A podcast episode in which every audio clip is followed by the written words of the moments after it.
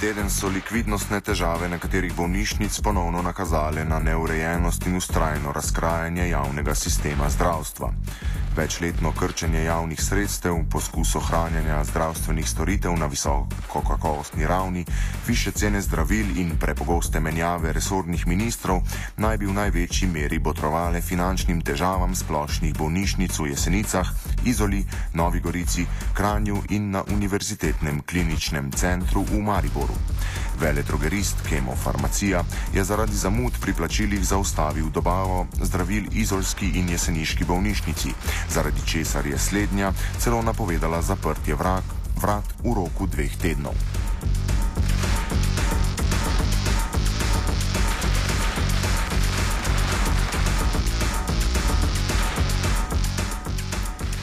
Sicer se je trg zdravili pred leti znašel pod drobnogledom javne agencije za varstvo konkurence, saj naj bi domala vsi glav, glavni trgovci zdravili, kot so kemofarmacija, salus, farmadent in drugi, z dogovarjanjem kršili zakon o preprečevanju omejevanja konkurence. Preiskava še poteka, zato konkretnejših podatkov o vplivu veleprodajnega trga zdravil na likvidnostne težave bolnišnic agencija ta trenutek ne podaja, a razlogi za težave so v prvi vrsti drugje. Več nam pove metod Mezek iz Združenja zdravstvenih zavodov Slovenije. Primankuje eh, že vrsto let. Zato se že od leta 9 eh, sledijo oziroma so na dnevnem redu ukrepi za zmanjševanje prilivov eh, oziroma finančnih sredstev zdravstvenim zavodom, bolnišnicam in ostalim zavodom. Tako eh, so eh, od leta 9 eh, bolnišnice dobile in zdravstveni domovi dobili eh, približno 250 do 300 milijonov manj sredstev, eh, ker so bili pač taki ukrepi sprejeti. Eh, veliko večino teh ukrepov so uspeli nekako prenesti v poslovanje in tudi racionalizirati poslovanje. Eh, približno četrtino, tretjino tega niso uspeli in to se potem eh, nalaga v obliki izgube. Izgube v zdravstvu, v bolnišnicah znašajo iz preteklih let nepokrite izgube, se bližajo že stotim milijonom.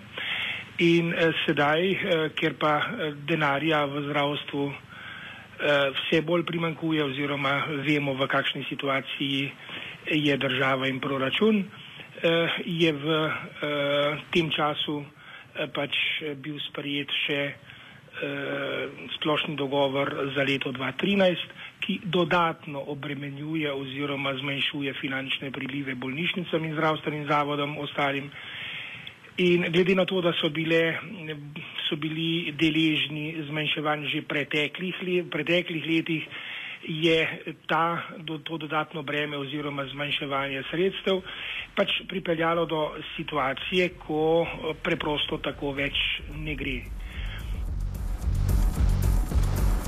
Na neustreznost financiranja bolnišnic opozarjajo že vrsto let.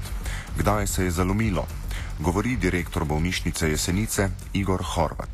Močno so se pa pravzaprav začele zaostrovati uh, zadnje štiri leta, odkar se cene zdravstvenih storitev drastično znižujejo. Uh, seveda smo se bolnišnice temu prilagajali z zniževanjem stroškov, zniževanjem uh, cen zdravil in zdravstvenega materijala, zniževanjem števila ljudi, nadur, nežurnega dela. Vse to gre, vendar gre vse to do, do neke meje, vendar zadnji dve leti, oziroma lansko leto in letos, pa pač zadeve ne grejo več, ker so zadeve pre, prešle čez rob. In tako drastično znižanje, kot je bilo v lanskem letu v sklepi vlade ZUIF in potem še v letošnjem letu pač privedajo do tega, da je likvidnost bolnišnic tako velika, da ne pokrivamo več svojih obveznosti. Problem imamo pa predvsem splošne bolnišnice. Krivda se vali v vse smeri. Kaj o krivdi bolnišnic meni Mezek? Krivda bolnišnic eh, zagotovo ni, eh, ker, je, ker so se v preteklih letih v marsičem že prilagodile oziroma racionalizirale poslovanje. More biti oziroma verjetno bi se dalo še bolj. Eh, vendar eh, zato je pač potrebno imeti tudi orodja, ukrepe za sprejem takih ukrepov. Management v bolnišnicah je vprašanje, če ima vsa, uh, vse mehanizme in vsa orodja, da bi te ukrepe sprejemal. Zato poudarjamo, da je potrebno za ureditev razmer v zdravstvu pristopiti k sprejemu sistemskih ukrepov na nivoju države. Kako naj se razreši situacija? Nadaljuje Mezek. Zagotovo jih je treba sprejeti v dveh smerih v smeri, ker je pač zdravstvena blagajna podfinancirana, ima vse manj finančnih sredstev, da bi sfinancirala zdravstven program, eh, kakršnega imamo eh, zdaj ali v smeri povečevanja finančnih prilivov, se pravi eh, razširitev prispevne osnove oziroma zvišanje prispevne osnove za zdravstvo ali pa zmanjševanje odlivov, se pravi kritična presoja košarice pravic. Ali smo še kot država, družba sposobni sfinancirati celotno paleto pravic, ki smo jo opredelili v, v nekih drugih časih, ki so bili verjetno eh, manj, manj težki kot so danes.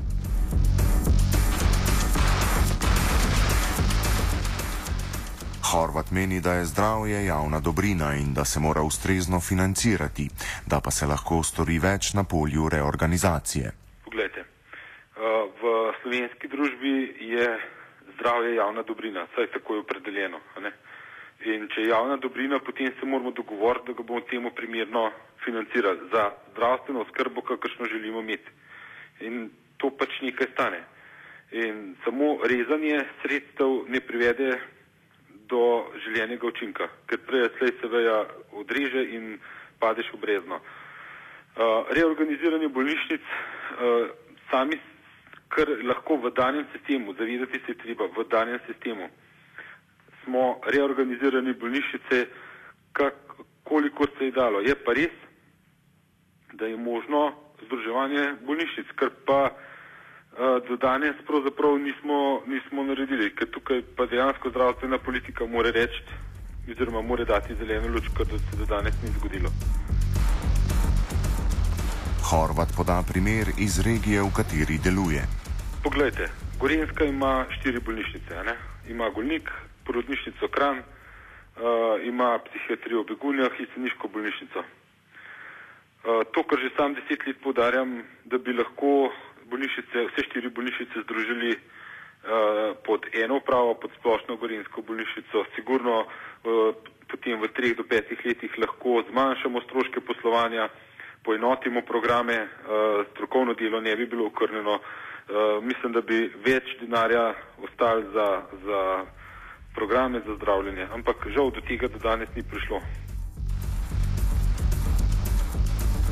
Zavod za zdravstveno zavarovanje je padel v nemilost ministra za zdravje Tomaža Gantarja, čež da zaradi sprememb informacijskega sistema nekatere bolnišnice ne pridobijo financ, do katerih so upravičene. Ali so težave že odpravljene, nadaljuje Mezek. Uh, ne vem, če so že odpravljeni. E, tudi sam menim, mislim, izjava ministra gre v pravo smer oziroma to drži. E, to drži tudi, mi smo dobili informacijo, da posamezne bolnišnice e, ne dobijo, ne dobijo opravljenega in fakturiranega dela plačanega, ravno zato, ker se zatika, zatika pri, projekt, pri programu izdatki program, projekt, ki je bil upeljan z prvim prvim in tu zagotovo je potrebno to čim prej odpraviti. Kako komentira težave strani Zavoda za zdravstveno zavarovanje Horvat? Um, ZZZS kot tak zbira sredstva zavarovancev za zdravljenje. In na koncu konca je samo servis in mora upoštevati sklepe vlade in njihove skupščine. Tako da ZZZS samo sebe tudi ne more stvari delati po svoje. Tako da ZZZS ni izključni krivec ali sploh krivec.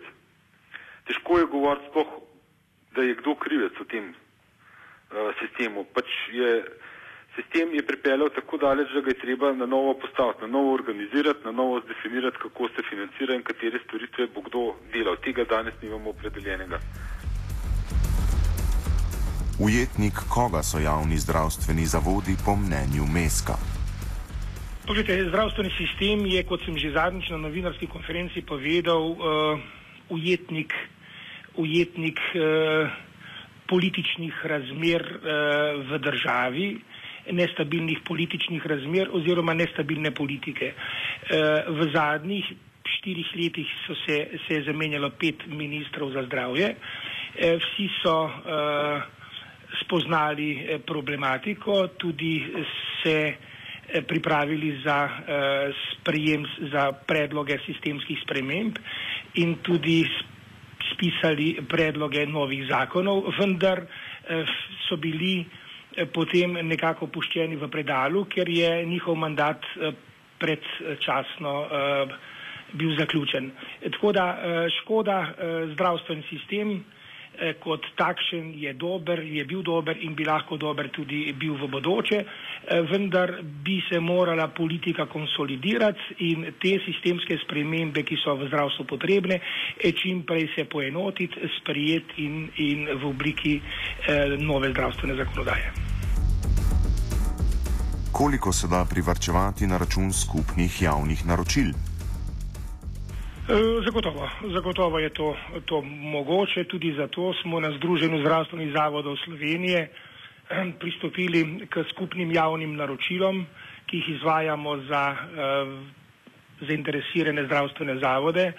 V preteklem letu smo kar veliko delali na področju uh, energetike, pisarniškega materijala, uh, pa telefonije, fiksne in mobilne.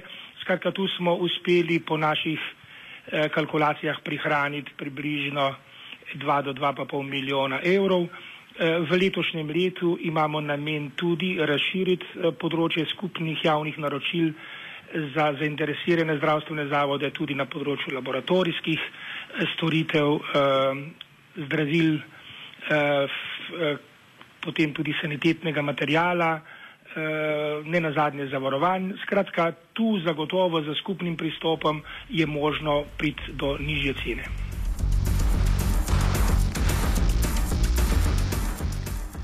Koliko javnih zavodov je v ta program vključenih?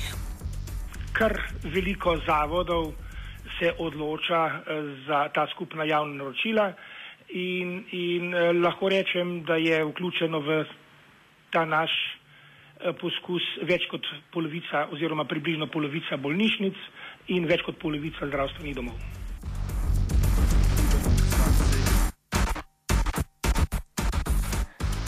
Pot do razrešitve ključnih težav naj bi bila kratka, a za njo mora obstajati interes, pravita sogovornika. Direktor jeseniške bolnišnice Igor Hrovat pa je za zaključek pomiril eh, sokrajane po včerajšnji napovedi o skorajšnjem zaprtju vrat več jim ni treba skrbeti. Zdravstvena oskrba bo, dokler bomo imeli vse material enaka, kot, kot smo jo imeli do zdaj. To garantiram. Današnji kultivator je pripravil Jankovič.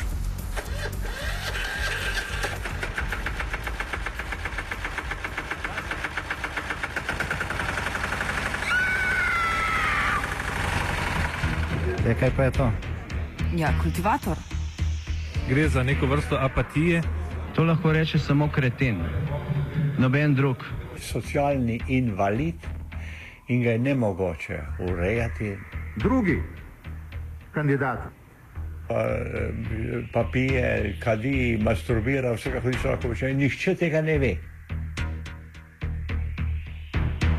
Vsak petek skultiviramo dogodek tedna lahko po kriterijih radio študent, težko pa po evropskih kriterijih.